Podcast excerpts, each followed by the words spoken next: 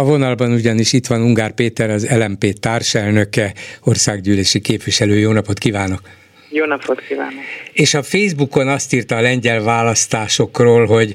Jaj, érzem, hogy ki fogok kapni. Hát nem, csak a fejére olvasom, amit írt. Hát végül is vállalja a felelősséget. És mondani, hogy nem vagyok egy jó minőségű ember. Nem, ja. én ilyet nem mondok. Mondtam én valaha ilyet? Nem, mondja, Na, mondja mit vétettem, gyónjuk, ennyi gyónjuk meg. Azt mondja, hogy biztosan érdemes sok aktuál politikai tanulságot levonni a lengyel választások eredményéből.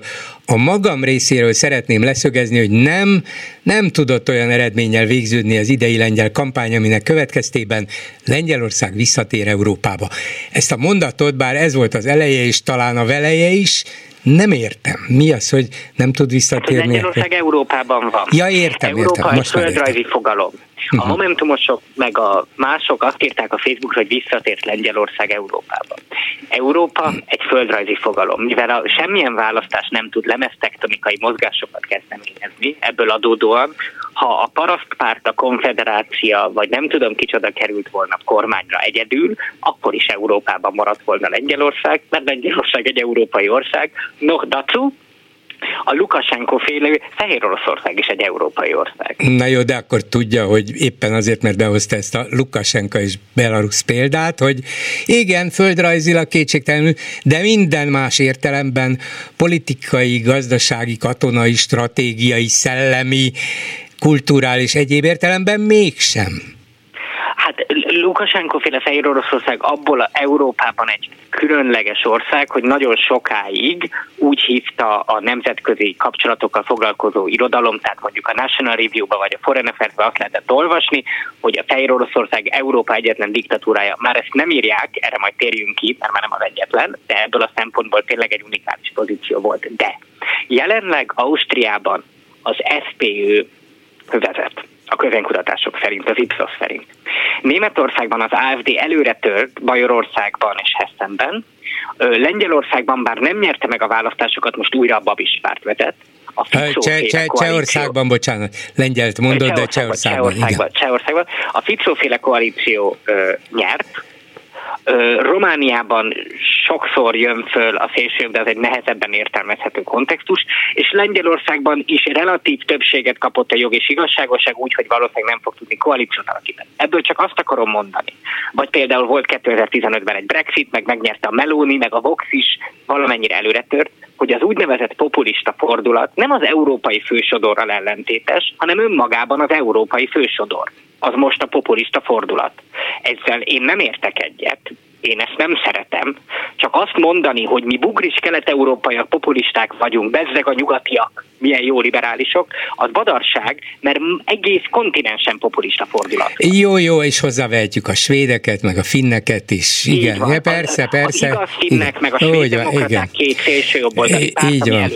Igen, igaz, nem igazak és nem demokraták, de igen. Értem, ezt értem, és ebben igaza is van. De azért ön is tudja, hogy, hogy bármennyire veszélyes tendenciák alakulnak ki Európában, a stabilabbnak és demokratikusabbnak vélt Nyugat-Európában is, azért vannak bizonyos európai normák, alapelvek, amelyek mellett ki lehet állni, és amelyek mellett az Európai Unió sokszor csak szavakban, néha máshogyan is, mégiscsak kiáll, és ez a bizonyos Európa és Európai Unió sem örül ezeknek az akár nyugat-európai populista pártoknak, illetve azok erősödésének. Tehát ahhoz a hagyományosan felfogott, mérsékelt, liberális, szocdem, konzervatív hát elfogadott mainstream vagy fősodor Európához hasonlítva tér vissza ebbe remélhetőleg az új lengyel kormány? Öm, mindjárt térjünk rá. Először elmondom, amiben egyetértünk, és utána veszünk össze, ha így megfelel. Tehát abban egyetértünk, hogy sem én, sem ön nem szavaztunk volna a jog és igazságosság pártra Lengyelország. Ennek ezernyi oka van. Nekem például az egyik legfontosabb személyes ok az a társadalompolitikai dolgok, amiket csináltak. Például, ha megnézzük az exit pollba, hogy a lengyelek mit tartottak fontos ügynek, amiatt elmentek szavazni, a második a gazdasági helyzet után az abortusz volt. Szerintem nagyon súlyos hiba volt, és rossz dolog volt, amit a jog és igazságosság az abortusz tiltásával csinált. Szerintem amúgy ebben egyetértünk, ha jól gondolom. Teljes mértékben, igen. Ugye Európában ez a legdurvább, legszigorúbb, leg, azt kell mondanom, inhumánusabb, bár formálisan az emberi életet védi, mégiscsak ez a szabályozás nem humánusna. Így van. De és szerintem még szerkesztő úr azt is meg kockáztatom, hogy ugyanarra a pártra szavaztunk volna, mert ebben nem vagyok biztos, mert én a Levica nevű pártra szavaztam volna Lengyelországban, a baloldali blokkra, nem a Tuskféle blokkra. Feltételezem, hogy ön is, bár nem vagyok biztos benne.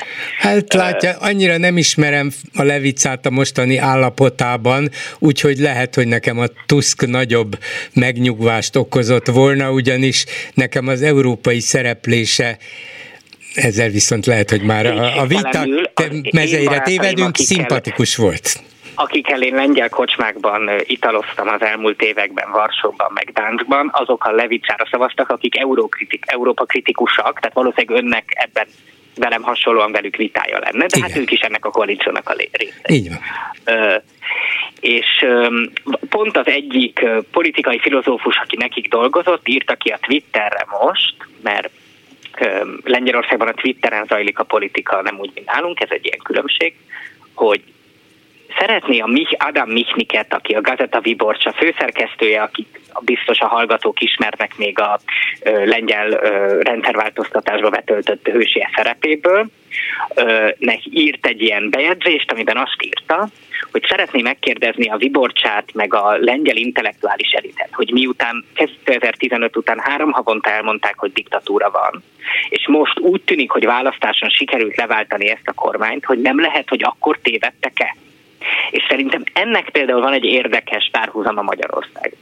Tehát nem lehet, hogy azok, akik 2015 óta Lengyelországban elmondták a komitéot, a demokrácia védelmért megalakítói, és elmondták, hogy itt már nem lehet választás útján leváltani. Ha most mégis békességben meg fog tudni alakulni a Tusk kormány hárompárti koalícióval a, a PO, a ö, harmadik út meg a baloldal koalíciójából, akkor nem, nem tartoznak ne annyival felelősségbe, hogy elmondják, hogy nem volt diktatúra, csak egy általunk, név, általunk nem szeretett kormány volt-e. Ez azért fontos, mert hogyha azt mondjuk, hogy Magyarországon diktatúra van, és választás útján nem leváltható ez a hatalom, akkor nem szabad elindulni választáson. De a lengyel ellenzék valóban nem ezt mondta, hiszen elindult egy választáson. Úgy, hogy a lengyel köztévé, én nem tudom, hogy bolgár úr nézett a lengyel köztévét mostanában. Nem, most nem néztem. Én néztem, én néztem, tehát én tavaly nem, néztem. Csak én egyet, ezeket, a, ezeket az elszabadult ellenzéki újságokat néztem, mint a Viborcsa. Tehát, tehát a lengyel köztévé az tényleg csak a magyarral összehasonlítható a világon. Tehát szerencsétlen Donald Tuskot, aki nem, úgy nem kedvelek, azzal vádolták, hogy orosz ügynök, mert még mint hivatalban lévő lengyel miniszterelnök találkozott az orosz elnökkel, ami tehát egy teljes badarság, és visszatérve ilyen göbbelszi propagandaszerűen 20 percenként rövid filmekbe ment, hogy a Tusk kezet fog Putyinnal, és az volt kiírva lengyelesített szöveggel, hogy Nás Cselovek Sábie. És tehát ez, ez Varsói emberünk, igen. Igen, a varsói emberünk. Tehát, hogy a, ezt úgy mondom, hogy ez egy például nagyon nagy párhuzam, hogy a lengyel köztévés felháborító volt a jogi igazságoság alatt. És mégis elindultak, és győzedelmeskedni tudtak. Tehát szerintem ez egy érdekes párhuzam. Mhm.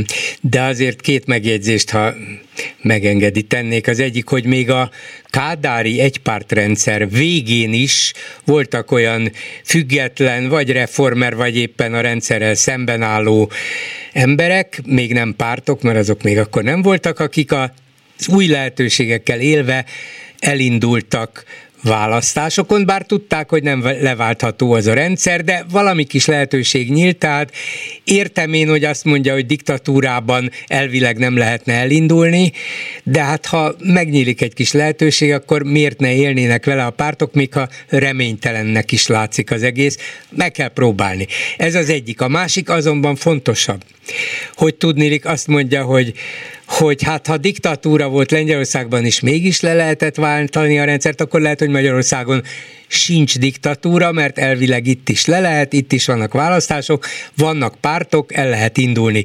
De azért a lengyel választási rendszer és a magyar között ég és föld különbség van. Nem mondom azt, hogy egy diktatúra és egy demokrácia közti különbség, mert ez még nem egy teljes diktatúra, és azért az sem volt teljes demokrácia, de ott mégiscsak egy arányos választási rendszer volt, úgyhogy a három ellenzéki pártnak nem kellett együtt összeszövetkezni. abban, hogy rossz volt a Fidesz választási módosítása 2011-ben, ott voltam a tüntetésen ellene a Vörös Martinton, téren teljesen egyetértek de ez szezon fazon. Tehát a lengyel választási rendszer mindig más volt, mint a magyar. 2010 előtt is más volt, mint a magyar, amikor mind a kettőt liberális demokráciának neveztük. A britbe meg semmilyen módon nem érvényesül az arányosság elve. Tehát ez, ezt ne, ne hozzuk be.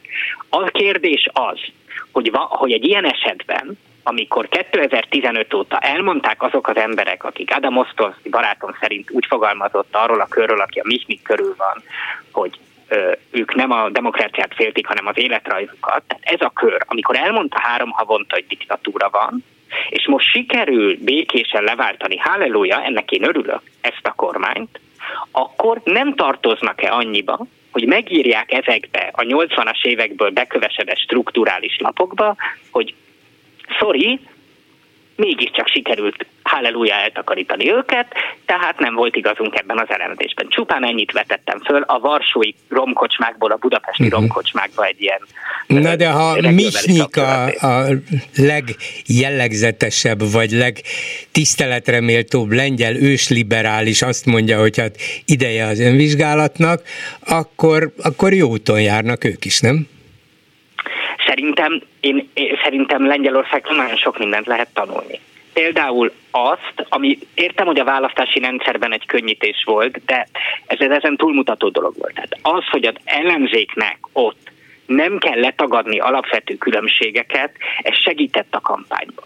Tehát ennek volt, volt pozitívuma. Ez nehez, meg fogja nehezíteni most a kormányzást. Tehát itt azért azt lássuk be, hogy, hogy van egy neoliberális, szabadpiacpárti nagy párt, ami nyert, nyert egy, vagy, vagy nagyon jól szerepelt egy teljesen értelmezhetetlen harmadik út nevű formáció, ami mindent és mindennek az ellenkezőjét elmondott, meg nyert egy a, szerintem nagyon szépen ideológiailag tisztán szocialista párt, ami része ennek a koalíciónak, ami nem terepelt rosszul. Tehát, hogy azért ez egy nehéz kormányzás lesz, de jó, hogy ellenzékben nem hagyták ezeket letagadni. Tehát ez egy pozitív dolog. Én értem, értem, értem, csak Magyarországon ez a harmadik út, meg ez a baloldal a 14,5 meg a 8,5 százalékával, ha önállóan indul, úgy bukik ki, hogy egy pár képviselője marad talán, talán listás képviselője, de egyetlen nem, egy körzetet nem tud nyerni. ezt koordinálással valamilyen módon, még két lista meg tudja viszonylag jól oldani de mindegy, most nem ebbe akarok belemenni, csak azt akarom mondani, hogy, hogy ez egy, ez egy jó dolog volt. És a másik, ami egy érdekes kérdés, hogy azért amikor a Tusk elment Európába, az ő pártja, amelyik a legnagyobb párt volt Lengyelországon, meg folyamatosan kormányzott, a Fidesznek egy nagyon közeli szövetségese volt még akkor, de amikor elment a Tusk Európába, az ő személye nélkül tönkrement hát az azért kellett visszajönnie, mert a 30%-ról lement 10-re, egyszerűen a személye nélkül. Tehát itt azért az is van, hogy mondom, én nagyon sok mindennel nem értek egyet vele, de hát ő egy rendkívül nagy tapasztalatú, intelligens, tehát nagyon jó politikai képességekkel rendelkező ember, és azért uh, uh, milyen furcsa, hogy az úgynevezett politikai elitváltás, amit Magyarországon mindig mondanak, az azért nem annyira szükséges ahhoz, hogy leváltsanak nem, egy nem, nem, nem, nem, nem, miközben Tuskot is ledarálta valóban a lengyel kormánypárti média, és, és olyasmikkel vádolta, ami tényleg a totális abszurdum. De van még egy mondata a Facebook bejegyzéséből, amit szintén nem értek, de megvitatásra érdemesnek tartom, hogy azt írja, kifejezetten antipatikusnak találom Donald Tusk EU status quo politikáját, de elvitathatatlan, hogy azt színvonalasan képviselte. Mi ez az EU status quo politikája, hogy az Európai Unió úgy jó, ahogy van, és önnek ez nem tetszik? Mondok egy példát. A ö, Donald Tusk álláspontja az, hogy Lengyelországnak be kell vezetni az eurót. A Levica álláspontja azt, hogy nem kell bevezetni az eurót. De ettől mind a kettő lehet tisztességes demokrata, sőt európai is, nem? Hát én feltételezem, hogy ebben a kérdésben lehetek az emberek tisztességes demokraták, mert például ön azt gondolja, hogy be kell vezetni Magyarországon az eurót, én meg azt gondolom, hogy nem, de ez egy, azért ezt, ez bírja a vitát, remélem, vagy ez, ezen így lehet. Sőt, még abban is kompromisszumot tudunk kötni, hogy nem hiszem, hogy nagyon rohannunk kéne az euró bevezetésével, mert ahhoz a magyar gazdaság nincs igazán jó állapotban, hogy ezt nyugodtan megtehetné, de igen, tíz éves távlatban azt mondanám, hogy be kéne. De mond, lehet ilyen példák, tehát a Donald Tusk politikája az, amiben bevallom, nekem ambi, én ambivalenciát, tehát hogy nem tudom itt a tutit, mert gondol, lehet, hogy neki igaza van ebben. Az az állítása, hogy nem lehet az Európai Unió nagy rendszerein változtatni, mert ha változtatunk rajta, akkor rosszabb lesz ez egy bölcs konzervatív hozzáállás sok mindenhez szerintem. Én még ahhoz fiatal vagyok, hogy ilyen bölcs és morózusan lássam a világot, én még hadd gondoljam azt, hogy mindent meg kell változtatni. Aztán már persze lehet, hogy nem lesz igazam. De hát ez az Európai Unió status quo mégiscsak egy sikeres európai projektnek a jelenlegi állapota, egyébként közben is folyton változik az Európai Unió, és hogyha valaki ezt föl akarja rúgni, például Orbán azzal, hogy szuverenitás, meg a nemzetek önállósága, és így tovább, és részben öntől is hallok ilyeneket, akkor mintha ezt a projektet akarná szétverni, ki tudja milyen eredménnyel. Én nem mondom a nemzetek önállóságát, én a szuverenitást, én azt mondom, hogy regionális vétóblokkok kellenek a nyugati hegemóniával szembe és a német uralommal szembe. A v össze kell szervezni egy nagyon erős vétózó blokká.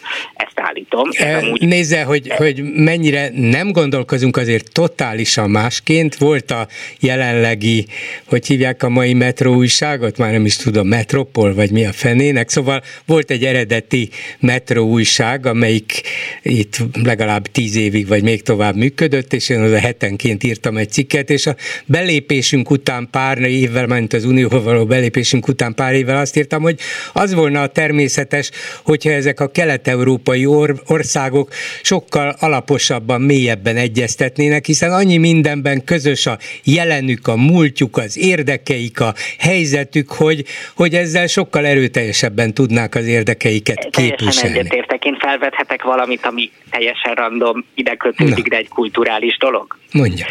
Ön biztosan tudja, hogy a lengyel események, amik az 56-ot, úgyis mindjárt október 23-a lesz, amik 56-ot megelőzték, az Lengyelországban indult. Persze, a, a, igen, igen. igen.